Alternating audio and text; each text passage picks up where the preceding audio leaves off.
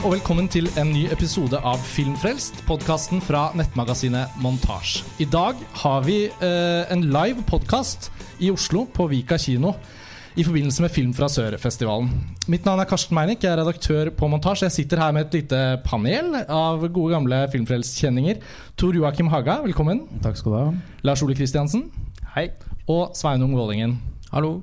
Nyansatt daglig leder ved Verdensteatret, Cinematek og kino i Tromsø. Gratulerer med det.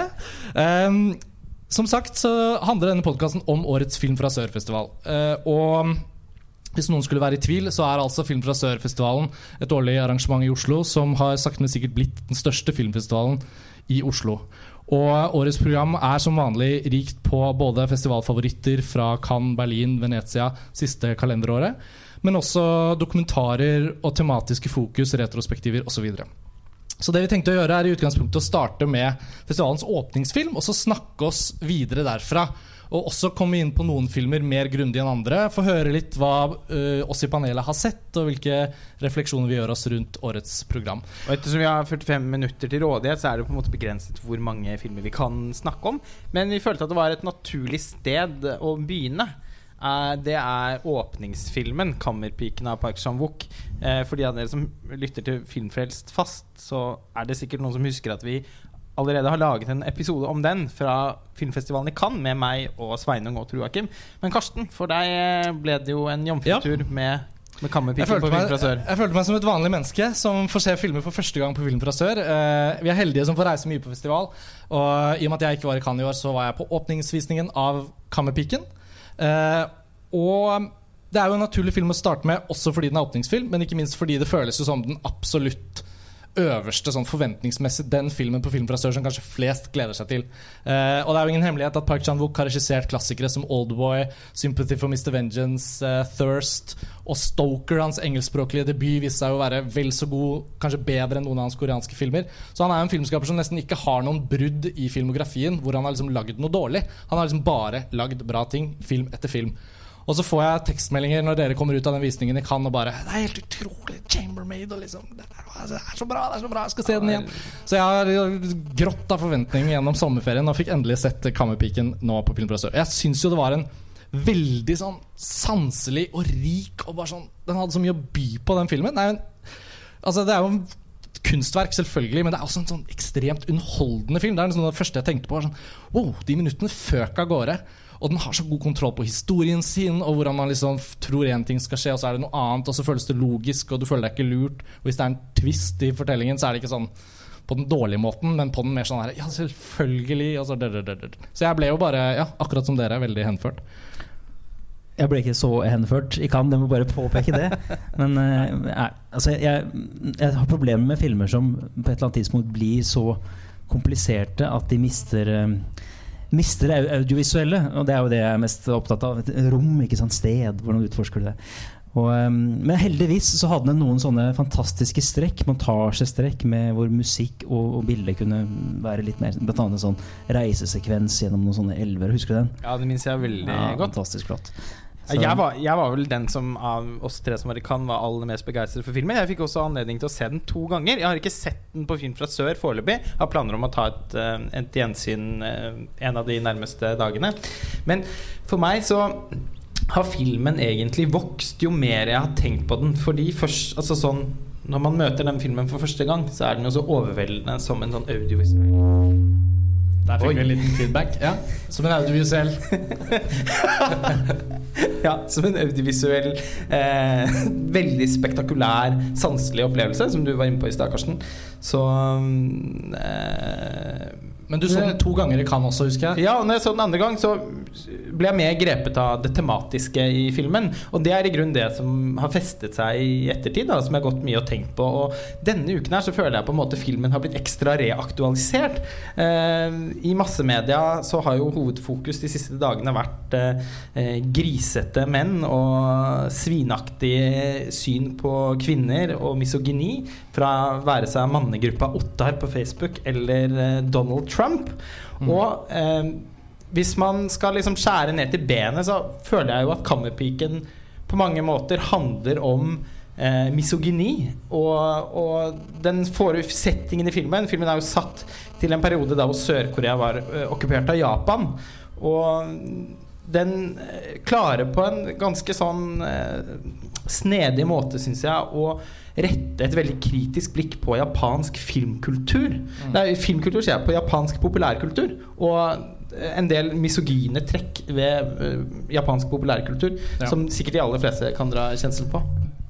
Donald Trumps uttalelser, som han beskrev som 'locker room talk', at uh, det er jo bare en hel selvfølge at man menn, når vi sitter der og sitter der med håndklærne våre, så er det jo hva som helst kan bli sagt om kvinner, og det er jo bare å liksom avfeie med et skuldertrekk. da Og der er vel Park Chan-wook ganske uenig, kan man si. Eh, filmen gjennom denne boksamleren, eller onkelen, som vi kanskje må kalle han, til hun som ikke har forlatt det huset, og som får en kammerpike som hun også forelsker seg i. Eh, han har jo en samling av japanske pornobøker som blir høytlest av henne for disse forferdelige mennene som kommer for denne lille teateroppsetningen, nærmest. Eh, og um, jeg syns også den parallellen føles uh, vekket til live, para, paradoksalt nok samtidig med film fra Sørs premiere på filmen. Da, at den feministiske holdningen til Kammerpiken som en historie, men også som en slags sånn derre De to kvinnelige hovedpersonene og hvordan de portretteres, gir en veldig sånn maktovertagelse til dem i hvordan de tar grep om, om handlingen. Og uh, Du fikk jo ikke helt fullført poenget ditt Tor Joakim, i stad, men det med at uh, det er såpass mange fikse vendinger uh, Fra ca. halvveis, eller er det siste, siste del, halvveis omtrent, så, så, begynner den å reforhandle med seg selv. Og det, det er ikke noe gærent i det. Jeg syns jo sånne altså, forhandlinger om sannheten i filmer kan være veldig veldig flott. Og det kjenner vi jo andre japanske eksempler på også, selvfølgelig. En tidligere Rashomon og sånn. Men, men jeg, jeg, sliter litt med, med akkurat um, Park Chan-wooks um, innfallsvinkel til det. Og det er fordi, jeg vet ikke, fordi jeg håper liksom at det skal være en sånn, en sånn tablåorientert film. Hvor, hvor, hvor, det komplekse kan komme ut fra bildene mer enn fra intrigen og fra vendingen og fra eh, dialogen. og sånne ting da. Så det, det, var det eneste som mista meg litt i en ellers strålende film. Ja, det, jeg, jeg, bare tenker på det visuelle. Eh, nå må vi dra inn deg også, Sveinung, her. Selv om du kanskje føler at mikrofonen din er din uvenn.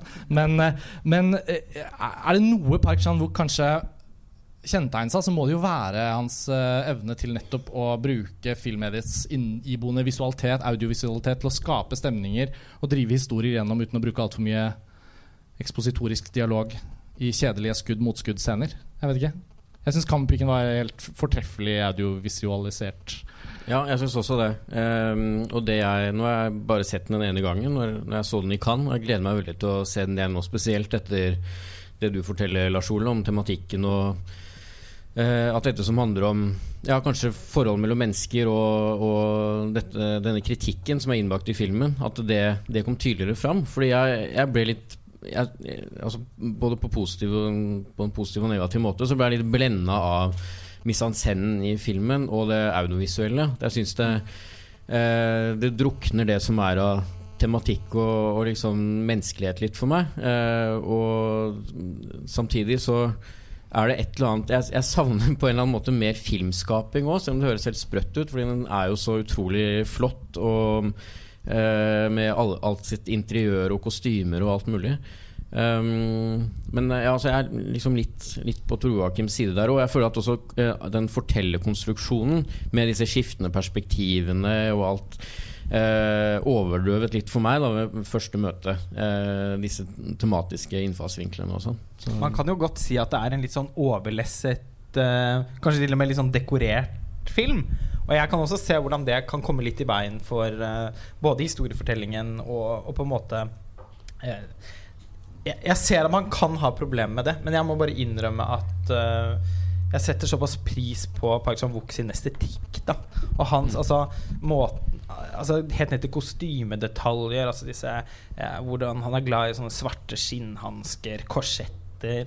Eh, skuffer som dras ut med, med ulike hansker i forskjellige farger. Altså, Dører, ikke minst. Ja, det er noe et eller annet med hans fetisjering av objekter. da Uh, som, som, jeg blir veldig dratt mot. Så kan man også si at han fetisjerer kvinnenes kropp i filmen. Da. Selv om filmen definitivt har en feministisk slagside, så kan man jo også si at den har ganske sånn tydelig male gaze.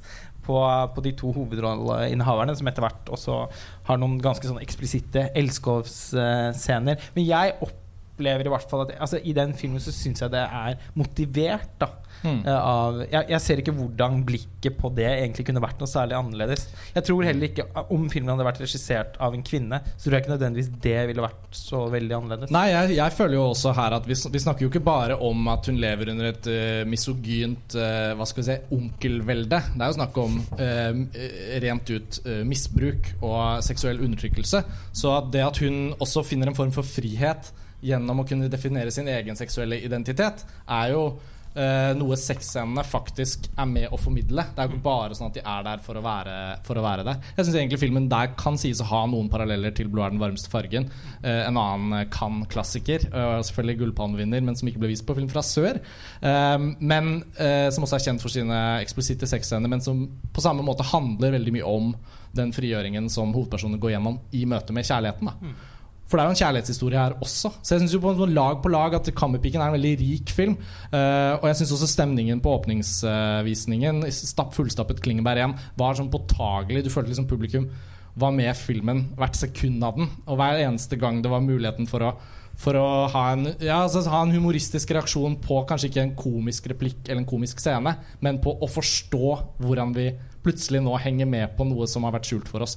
Du kjente hvordan bruset i salen var veldig Og også stillheten under sexscenene. Den litt sånn film fra sør, tanter som Oi, dette var årets åpningsfilm. Det var spennende. Ja. Ja. Eh, og eh, når vi først snakker da om, eh, om seksualitet og eh, Ja, egentlig seksualitet, så kan vi jo bevege oss over på den neste filmen vi skal snakke om. Eh, 'Det fremmede' av eh, Amat Amat Escalante. Ja, altså Den har jo også blitt veldig profilert, ikke som åpningsfilm her på Film fra sør, men, men, festivalen har jo hatt besøk av eh, regissøren, meksikanske regissøren Amat Escalante. For lyttere og publikum her, så for de som ikke vet det, så da, har regissøren hatt filmer i distribusjon i Norge tidligere. Han har laget uh, Los Bastardos og Heli. Uh, men med Det fremmede så har han laget en ganske annen film enn sine to foregående filmer. Uh, og det interessante er at det har vært en veldig god buzz rundt Det fremmede. Eh, egentlig frem til du leverte en artikkel i dag som vi har publisert på Montasjesveien, hvor du kom med en litt, litt sånn strammere kritikk av filmen. Så kanskje du må få lov å begynne å, å si litt om uh, hvordan du reagerte på denne filmen. Jeg hadde jo litt forventninger da etter denne bussen eh, og, eh, og regipris i Venezia og forskjellig. I tillegg til at det er litt vanskelig å gjenfordele handlingen i filmen, men sentralt så står det et, et Eller ja, det er et slags monster med, med opptil flere tentakler. Åleglatte tentakler som eh, er i stand til å seksuelt tilfredsstille både kvinner og menn. da og øh, er gjemt bort i en slags sånn hytte ute på den meksikanske landsbygda. Men dette monsteret kan også utgjøre stor skade på, på de menneskene som øh, våger seg inn. Um, og, så det, det er på en måte et slags omdreiningspunkt i filmen, som ellers er ganske sosialrealistisk bygd opp med et eh, ekteskap eh, mellom en mann og en kvinne som, eh, som fungerer dårlig, og eh, Eh, ja, hun eh, Altså, ektemannen er utro med hennes bror. Bror. Ja, så det er noen litt sånn såpeoperaelementer her òg.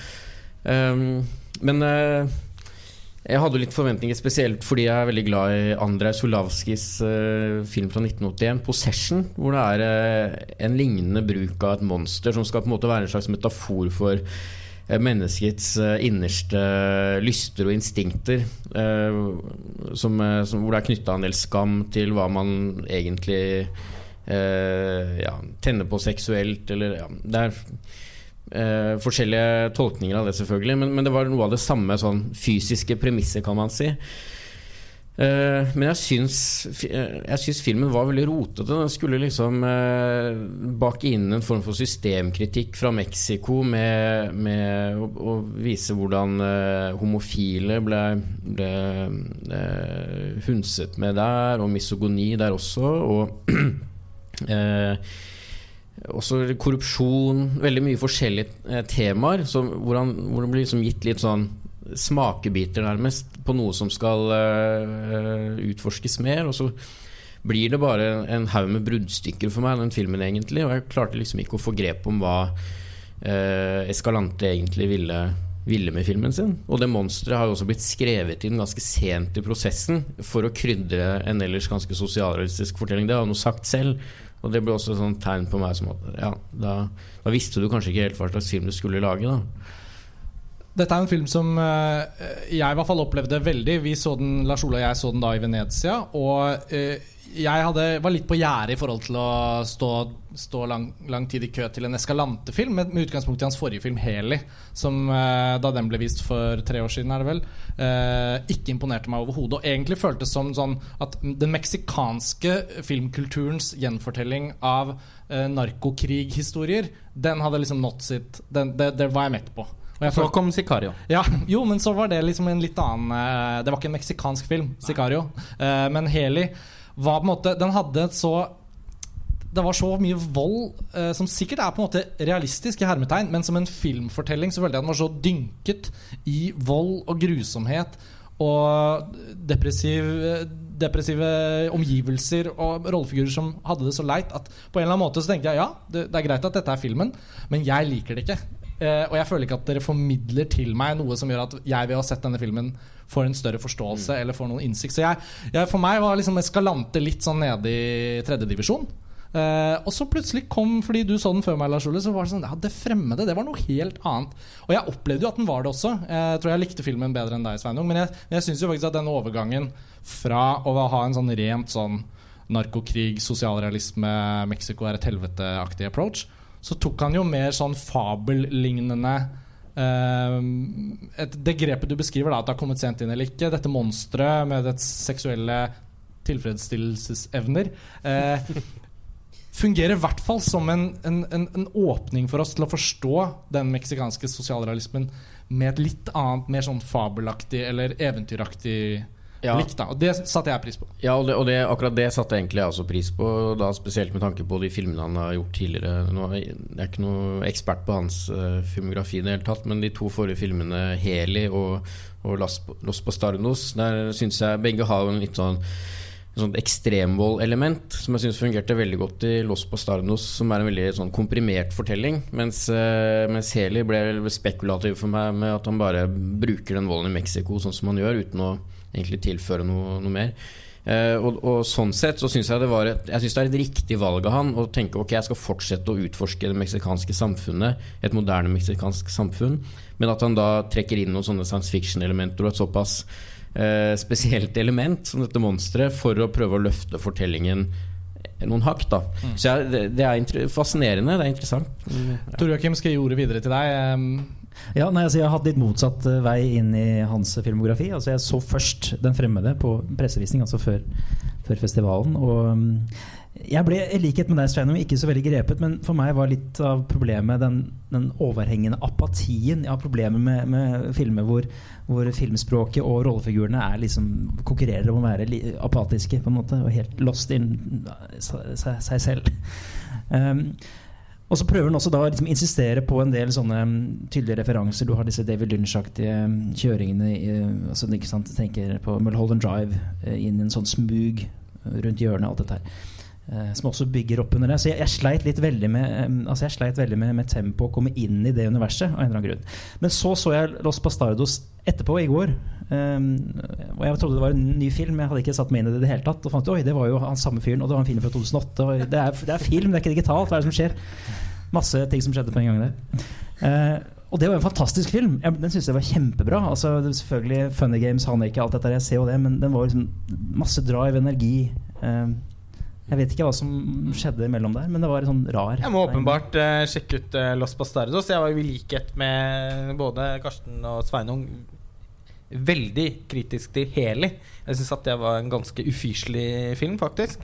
Uh, særlig fordi at jeg syns han hadde den, den ekstremvolden som han lenet seg veldig tungt på i Heli syns jeg ikke var motivert, egentlig.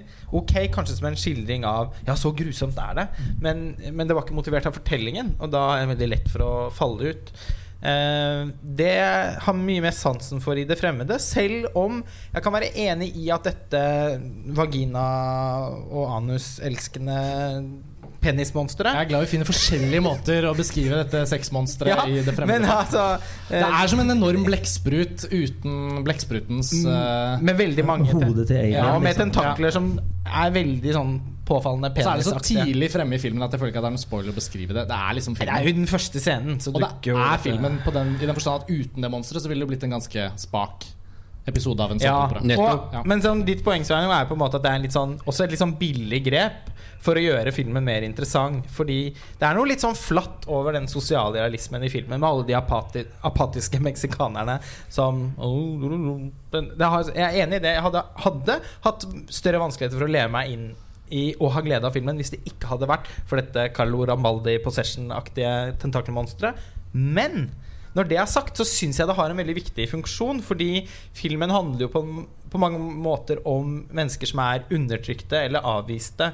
Og det er nå engang sånn at uh, mennesker som er undertrykte, uh, eller som, uh, som befinner seg litt sånn utenfor, kan Én ting er at de kan ofte ha litt lettere for å utvikle litt underlige former for begjær. Og de kan også ha enklere for å ydmyke seg selv i liksom kampen for å oppleve begjær eller anerkjennelse, tilfredsstillelse. Og, og det syns jeg filmen klarer å tematisere på en noenlunde interessant måte. Eh, ikke minst da gjennom å bruke dette tentakelmonsteret som eh, en, et, symbol, egentlig, da, på, på den lysten. Og, og, det, og det at det er også lett å miste kontrollen i, i jakten på eh, en tilfredsstillelse eller en anerkjennelse. Og sånn sett så fikk filmen meg til å tenke på eh, Alain Girodi uh, sin uh, forrige film, som vi så, også så, eller, som vi så i hovedkonkurransen i Cannes. Uh, 'Staying Vertical'. som vi også lagde en filmfrelst episode om. Men eh, jeg skal ikke gå mer inn på det. Men ja men bare, det er en interessant sammenligning, Fordi det, jeg føler at begge de to filmene er kanskje vel så interessante å snakke om i ettertid som faktisk å se. Men jeg syns jo den Girodi-filmen var mye mer interessant å se også. Men, eh, men eh, altså være seg dette tentaklete uhyre eller eh, den sosialrealismen i eh, eh, det fremmede, så er det jo absolutt eh, ting her som eh, som er interessant å diskutere. Men jeg føler ikke at det er Escalantes fortjeneste.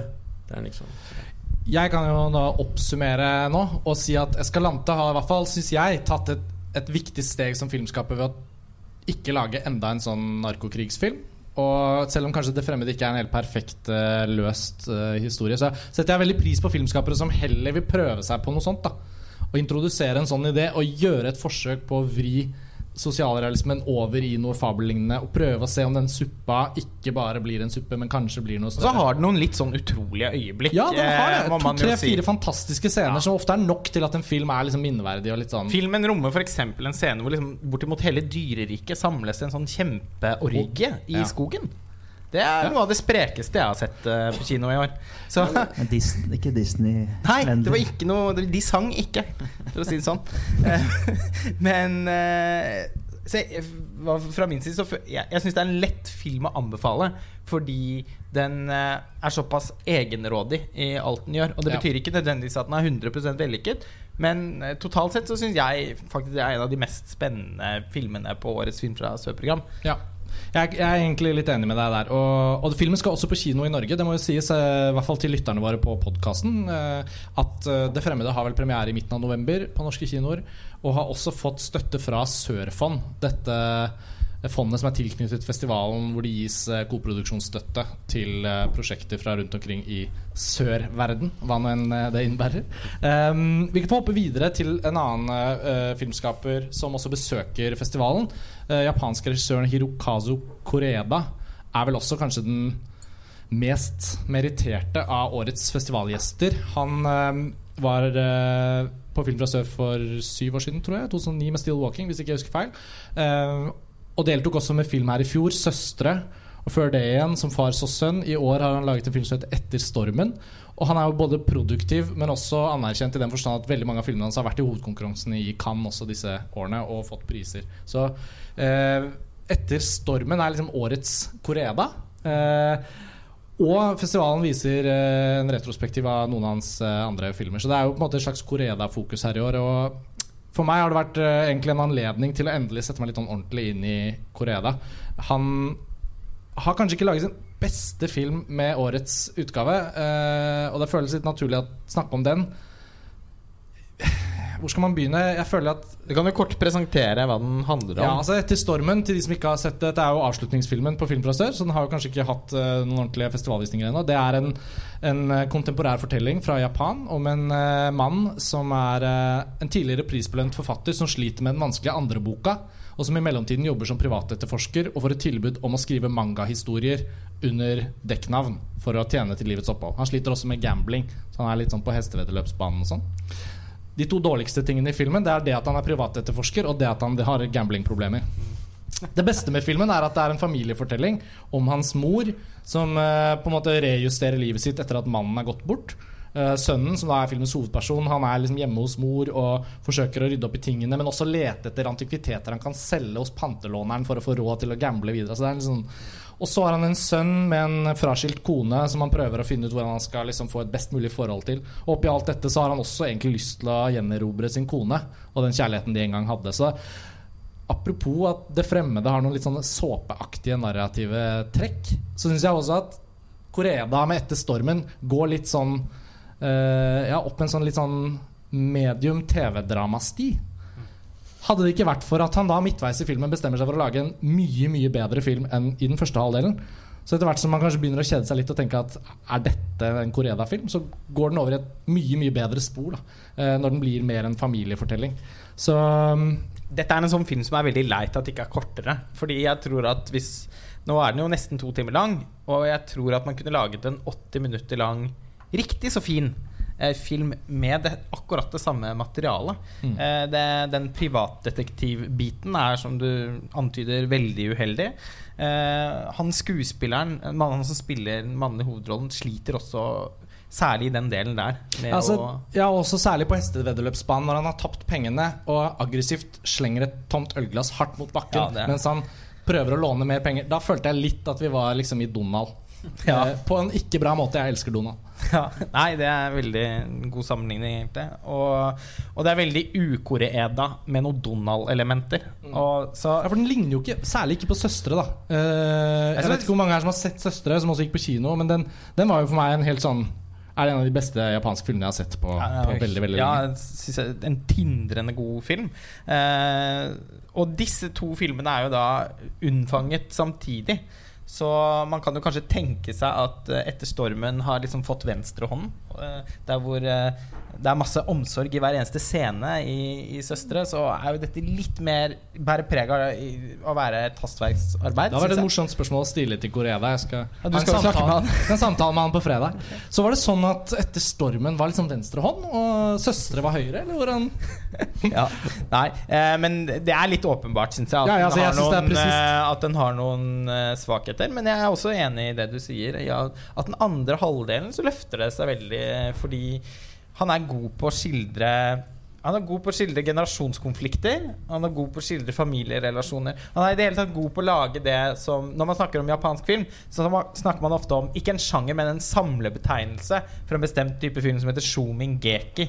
Og det er da eh, hverdagsdramaer som utspiller seg i en kontemporær setting. Det er Yasuhiro Osu og, og Mikio Naruse som kanskje er de mest kjente utøverne av den uh, typen film. I hvert fall i klassisk japansk film. Og det er ikke noe tvil om at Koreda uh, Altså, han, han, han lever ikke på deres arv. Det blir å uh, nedgradere Koreda. Men han er åpenbart veldig inspirert av begge de to. Uh, han mener selv at han er mest inspirert av Naruse. Jeg har vanskelig for å se det, fordi Naruse lager melodramaer. Det gjør veldig sjeldent uh, Koreda. Så jeg, for meg så minner han mye mer om Osu. Men eh, det er en lengre diskusjon som vi ikke trenger å ta nå. Men han er jo veldig god på denne altså den, det, er så, det er veldig sånn lavmælte eh, hverdagsdrama med bitte, bitte små Uh, egentlig også litt sånn små problemer som vokser seg store uh, fordi folk har vanskelig for å snakke med hverandre. En sånn, sånn helt vanlig ting som de fleste mennesker som er en del av en familie, erfarer. Det er han veldig god på, og det lykkes han med i den andre halvdelen av Etter. Tor Joakim, hvor står du på Korea? Nei, jeg med vilje holdt kjeft akkurat i denne. Ja, okay. Det er ikke fordi jeg ikke liker han, det er fordi jeg ikke har nok eh, grunnlag til å. Jeg er jo veldig glad i OSU. Var som student. Så alt frem til Tokyo Story, og så ingenting etter. Det er jo helt utrolig, for det er jo det er sene, de sene OC-filmene som Ja. kanskje er de aller beste. Men Så, ja. eh, ja, nei, da skal du slippe Sveinung. Eh, det- dette var også en film som ble vist i Cannes i år. Det blir jo nesten som å være på repeat her og hele tiden henvise til at disse filmene har hatt premiere i Cannes. Men det er nå engang sånn at Film fra sør gjør et veldig viktig arbeid med å hente inn alle disse festivalfilmene fra rundt omkring i verden. Og Cannes er jo hovedscenen. Og Koreda har jo hatt en slags sånn stempelkort i hovedkonkurransen, men denne her ble vist i sideprogrammet. Hvordan var stemningen i Cannes i forbindelse med premieren på denne nye Koreeda-filmen? Litt lunka, sånn som jeg kan huske det. Litt sånn at eh, Jeg vet ikke om det var at folk var litt forutinntatt, eller eller liksom tenkte at ikke dette kom til å bli så bra, eller om det var noe bøss i forkant. Det husker jeg ikke, men det var i hvert fall ikke så mye Det var ikke så mye bøss om den filmen. Og for meg var det litt eh, illevarslende, siden jeg syns 'Søstre', hans forrige film, da var så enormt god. Og det ble også litt et sånt personlig gjennombrudd for meg med Koreda. At jeg liksom så hva han var uh, i stand til å Med, Med, med søstre? ja, Ja, det er samme for meg. Akkurat Ja. samme. Ja.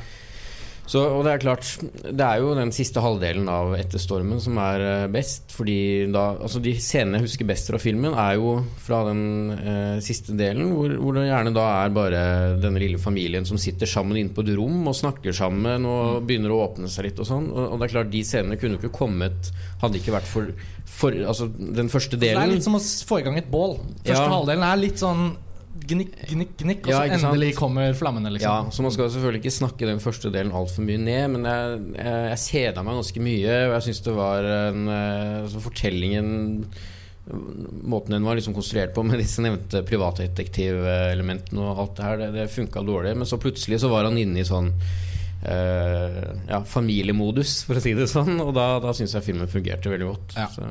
Det er altså mulig å se mye Koreda på Film fra sør i år. Det må jo trekkes fram. Eh, Det er jo visninger av eh, Som far så sønn, eh, Afterlife fra slutten av 90-tallet, som jeg ikke har sett selv, så det blir en glede å, å få sett.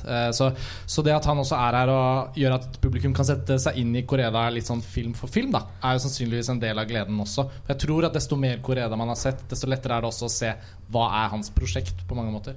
Og som vanlig er det også veldig mange japanske animasjonsfilmer å se på Film fra sør. De har jo et eget uh, Ikke av Koreda, håper jeg. Nei, men de har sånn Oi. eh, Et eget uh, sideprogram som heter Mangapolis Epicon. Og som en del av det så viser de i år i hvert fall en av mine favoritt-japanske uh, animasjonsfilmer.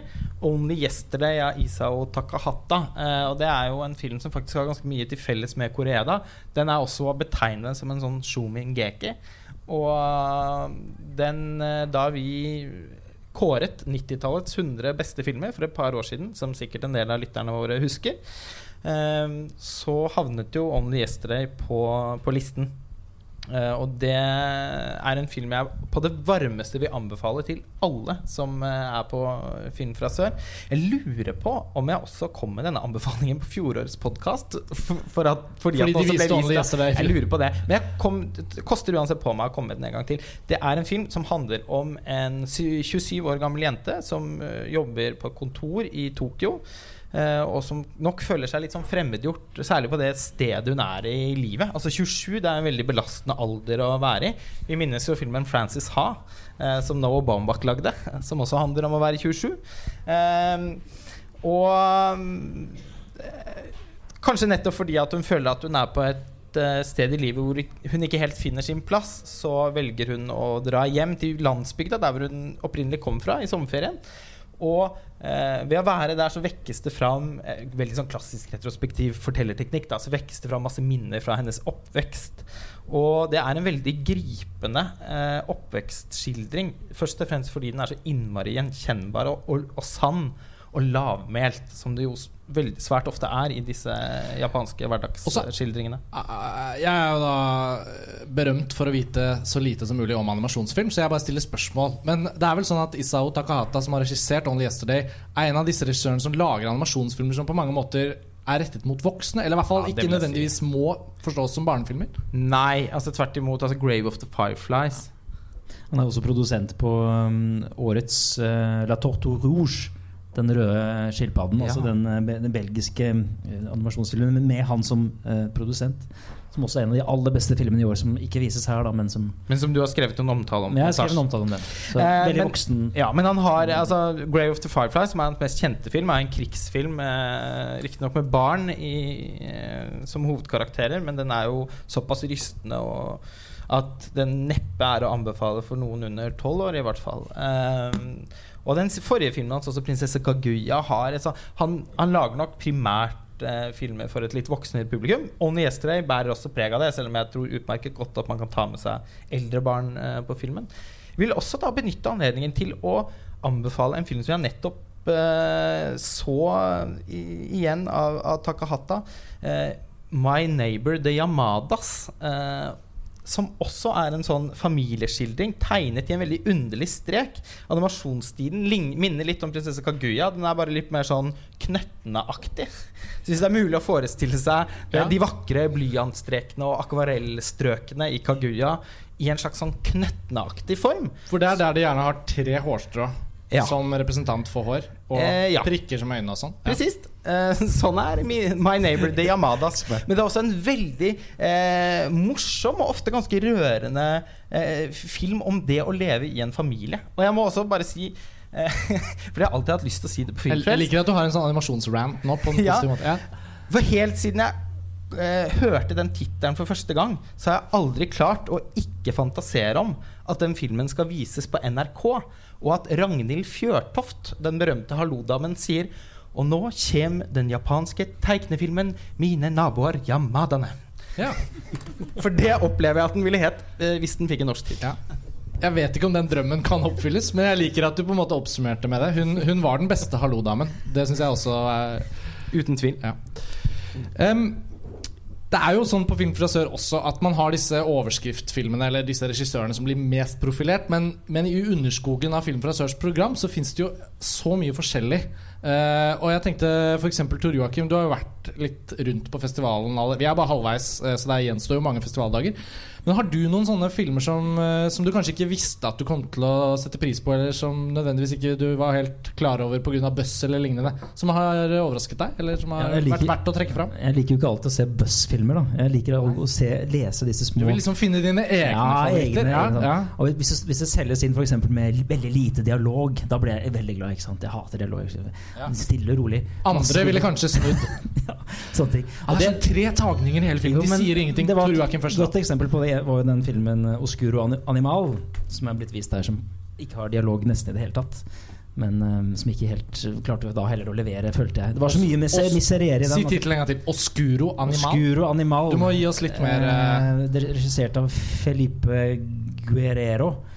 Colombia altså det, det handler om tre kvinner i, i Colombias uh, jungler. Uh, som da på sett og vis Altså det er ikke en, det er ikke en flettverksfilm, det er en såkalt composite-film. Altså flerhistoriefilm, tror jeg er det riktige ordet å bruke på den. Uh, en som da er kjæreste til en av disse FARC-geriljasoldatene, og en som uh, en som bare oppdager at hele landsbyen er, slakt, er borte plutselig, og prøver å, å, å finne ut av det. Og en som vel er, er prostituert, tror jeg, i, også inn, inn her. Så det, det, er- handler om deres reise, da. Og det er jo mye som jeg sier, det er veldig mye miserere. Så mye at det, at det er at det er så liten kime til, eh, til håp. Litt sånn colombiansk svar på Lilja Forever. Liksom. Ja, litt sånn samme gatefeltet. Det Men det var ikke noe dialog. Nettopp. Og det er så flott. Det er så flott For da kan jeg bare sitte og, så, og så nyte iscenesettelsen hele veien. Så den, det, var, men det var ikke egentlig den jeg ville trekke frem, altså. Det, bare siden vi spurte om Ja, ja. mine spesielle innfallsvinkler til dette. Jeg vil trekke frem én film spesielt, og det er den iranske horrorfilmen 'Under the Shadow'. Er det noen som har sett den her allerede? Er det noen i salen som har sett Under the Shadow? Ja, vi har en her. ja. Som har sett den. Ja, men den, dere har sjansen eh, i våren klokken eh, to, tror jeg. Da går den for siste gang. Eh, og det er altså en herlig blanding av Jeg, har snakket om Askar Faradis husholdningsthrillere. Nader og Simin og Fortiden og litt mindre vellykkede Salesman kanskje fra, fra i år. Men han har denne husholdningsthrillerperspektivet. Så forestill dere det i Teheran på 80-tallet. Eh, Krigen mellom Irak og Iran. Eh, bombing, masse bombing. Og så peiser man på med litt overnaturlige elementer. Litt grann, litt grann Shyamalan, litt grann eh, J-horror. Eh, litt sånn The Grudge-aktig ting. Og en finale som har elementer av Joe Dante, syns jeg. Altså Gremlins eh, Joe Dante? Nei, jeg tenkte mer sånn The Hole, eh, den, den siste han for Jeg har alltid følt at det mangler litt sånn Gremlins i iransk film. Askar Farhadi er, møter de, Gremlins. hvor er pel de søte pelsdyrene som blir til Ja, nei, jeg synes det, var, det, er, det er en herlig sammensurium av de, uten at det blir Ja. liksom et sammensurium. Ja, Syns ikke det var feil solgt inn, det? Altså, jeg, når du sier iransk horror, så tenker jeg sånn Det har vi fått for lite av. Og den eneste vi har fått, som ikke engang er en horror, det er jo den amerikanske independent-filmen Girl Walks Home Alone at Night. Som på en måte foregår i et forestilt Iran, da. Eh, men som ikke var noe horror, kanskje. Men som var en slags vampyr-artfilm. Jeg ble i hvert fall veldig solgt nå i morgen formiddag. Skal jeg gå og se den filmen i hvert fall. Det er helt sikkert. Men hva annet kunne vi snakket om? Altså, du, har, eh, du har jo også vært, eh, vært litt sånn uh, Har du sett noen av de animasjonsfilmene som vises? Uh, Nei, jeg har ikke sett de uh, her nå, nei. Nei. Men jeg jeg har sett ja. Um, From Afar syns jeg f.eks. er en bedre versjon av Den fremmede enn Den fremmede. Altså en sosialrealistiske versjonen av Den fremmede, på en måte. From Afar, hvilket Eh, eh, er- sørland er den fra? Venezuela. Ja. Uh, og grunnen til at jeg gikk og så den, var jo pga. Alfredo Castro, uh, den mannlige hovedrolleinnehaveren. Jeg er en stor fan han etter å ha sett han i nesten alle mm, Pablo Larain sine filmer. Mm. Han er liksom Pablo Larains uh, Ja, Er det ikke han som spiller Neruda, Neruda i Neruda? Nei, han spiller Nei. ikke Neruda, han spiller eh, presidenten. Ok, ja, men han er i Neruda, han, er, han er også med der. Nettopp. Og han spiller da en, en frustrert, ensom mann som er, ja, han er skap, homofil. Og han får ut en del av sine frustrasjoner ved å hyre disse gateguttene i, i Caracas, tror jeg er. Mm. Så møter han da en av disse guttene, og så blir det en slags blanding av en farsfigur og en potensiell elsker for, med denne, denne gutten. da Den problematiserer en del av disse Vi snakket om i stad, uromomentet i forhold til eh, homoseksualitet, seksuell frustrasjon, ensomhet i en del søramerikanske settinger, sånn som Mexico, her i dag i Venezuela. Uh, og jeg syns denne her løser det enda bedre. Enda mer, eh, det er helt dønn sosialrealistisk, men fantastisk uh, spilt av Sånn nedtonet spilt av, uh, av Castro. Da. Så også en, en anbefaling. Ja, Det høres jo absolutt ut som en anbefaling. Um, apropos Latin-Amerika, så hadde jeg anledning til å sette meg ned med Gabriel Mascaro, uh, regissøren eh, fra Brasil, som er her med filmen Neon Bull, og også en retrospektiv. Uh, og Neon Bull var jo en film vi så første gang i Tromsø. Uh, det var en av de store buss-titlene fra Venezia i fjor. Og den skal også komme på norske kinoer, så det er ikke nødvendigvis noe vi skal bruke så mye plass på her. Men det er jo også en av de filmene som jeg føler er representantene for at det skjer noe i Sør-Amerika. Uh, folk som var på film fra sør i fjor, 'Embrace of the Serpent' fra Colombia, den svart-hvitt-filmen som var en slags sånn Heart of Darkness-aktig reise, gjorde veldig inntrykk på meg. Og han regissøren, Ciro Guerra, er jo da en av de yngre stemmene fra Colombia. Et land som også er på vei ut av Apropos, det kom du kanskje ikke inn på når du snakket om den colombianske filmen, men vi har jo sett det med fredsprisen nå, Colombia som er på vei ut av forhåpentligvis en 50 år eller mer lang krig. Og at eh, Og Mascaro beskrev noe lignende i Brasil. At det er jo en endelig et frigjøringselement for en generasjon av filmskapere som begynner å lage ting. Og Venezuela vant jo også Gulløven i fjor. Jeg vet ikke om det var den From Afar, eller om det var en annen film. Men vi, vi ser jo nå et mønster av eh, nye filmskapere fra Sør-Amerika. eh, inkludert Mexico, selvfølgelig. Men eh, der har det jo vært en sterk filmkultur lenge. Ja, begge disse er jo eh, debutregissører. From Afar er vel det, og Oscuro-anomalen er, vel- er vel også Ja. det. Så det er mye, mye som skjer. Ja. Veldig, det er veldig oppmuntrende å høre. Eh, ellers, Sveinung, har du eh, vært og sett noe som du har lyst til å trekke fram? Som ikke vi har vært inne på? Ja, det er en film som jeg har sett uh, det, det begynner å bli noen uh, måneder siden jeg så den. Men, uh, men så oppdaga jeg at den er på programmet. Det er 'Girl in the River'. Og nå, i og med at det her begynner å bli en liten stund siden jeg så den, så husker jeg også nå ikke om den foregår i Pakistan eller India. Og det er jo litt sånn litt Da har, da har det ikke vært nok på film fra sør. Jeg tenker Hvis det hadde vært masse på film fra sør, så ville du sett forskjellen. Ja, men det handler i hvert fall om en uh, jente som uh, Og det, det er en dokumentar, da. Uh, og veldig sånn lett å, å oppsummere handlingen på en måte. For det handler om en jente som vil, vil bare rett og slett gifte seg med gutten hun er forelska i. Og det syns enkelte av hennes familiemedlemmer at er eh, eh, forkastelig. Så eh, det er vel faren hennes og onkelen hennes som rett og slett eh, prøver å ta livet av henne. Og så slipper hun unna, og, så er det noe med denne ja, eh, rettssaken i etterkant og, og, at, og en slags sånn tilgivelsesordning hvor, hvor hun da på sett og vis blir tvunget litt til å tilgi eh, familiemedlemmer, sånn at de skal slippe å gå i fengsel. Og det, det er Nå har vi vært innom litt sånn systemkritikk-type filmer eh, tidligere i podkasten, og det er veldig en sånn dokumentar. Jeg syns eh, jeg syns også den dokumentaren var så gripende, og, hvordan, og hun er en så sterk karakter. Hun, bare, hun er eh, ikke noe forma av, av disse sosiale og, og, og veldig sånn kvinnenedsettende mønstrene som fins i hjemlandet sitt, være seg om det er Pakistan eller India. Men, men eh, hun eh, ja, bare er fast bestemt på at hun skal være sammen med den hun er glad i, og vi følger liksom hennes eh, kamp for det. da eh, Og den grep meg veldig. Hun er en såpass sterk karakter, som sagt, og det er eh, gitt, filmen gir et veldig sånn godt bilde av det. eh, alle disse sosiale normene og reglene i, i egentlig landsbyen der hun kommer fra. Da. Eh, og det er 'Girl in the River'. Historisk sett har jo også Film fra sør hatt et veldig sterkt fokus på dokumentarfilm. Eh, og det er jo også verdt å, å trekke frem. Eh, 'Havet brenner', eh, den italienske gullbjørnvinneren, har jo også vært eh, satt på programmet her. Den har jo også norsk kinopremiere nå samtidig. Eh, jeg selv har ikke hatt anledning til å dykke inn i dokumentarene ennå, men det er jo en del av det man håper å få med seg under Film fra sør. 'Under the Sun' av Vitali Manski og er varmt anbefalt i en lang artikkel på montasje. Mm. Den har jeg heller dessverre ikke fått anledning til å se. Men Vi bare etter alle solemerker er det en veldig spennende film. Ja. Vi er jo faktisk nødt til å runde av, Ja, jeg vet, fordi jeg vi skal si eh, ha quiz. Ja, her på Vika kino, ikke for podkastlytterne da, dessverre. Uh, dere lever jo ikke i nuet, men vi som lever i nuet, vi skal ha en quiz her nede i kjelleren på Vika kino. Uh, jeg vil bare avslutte med at jeg måtte slå opp dette med den venezuelanske filmen, Tor Joakim. Ja. Og 'From Afar' det var filmen som vant Gulløven i Venezia Fantastisk. i fjor. Ja. Så da Fortjener. Så da er det verdt å trekke fram det, sikkert også som en ekstra varm anbefaling. I tillegg til at du trakk den frem. Um, ja, da skal vi ha et lite sceneskifte her på Vika kino. Til lytterne våre hjemme, eller i bilen, eller hvor nå enn de måtte høre på denne podkasten, så takker vi nok en gang for at dere bruker tid på oss og hører på Filmfrelst. Spre gjerne ordet, og send linken videre.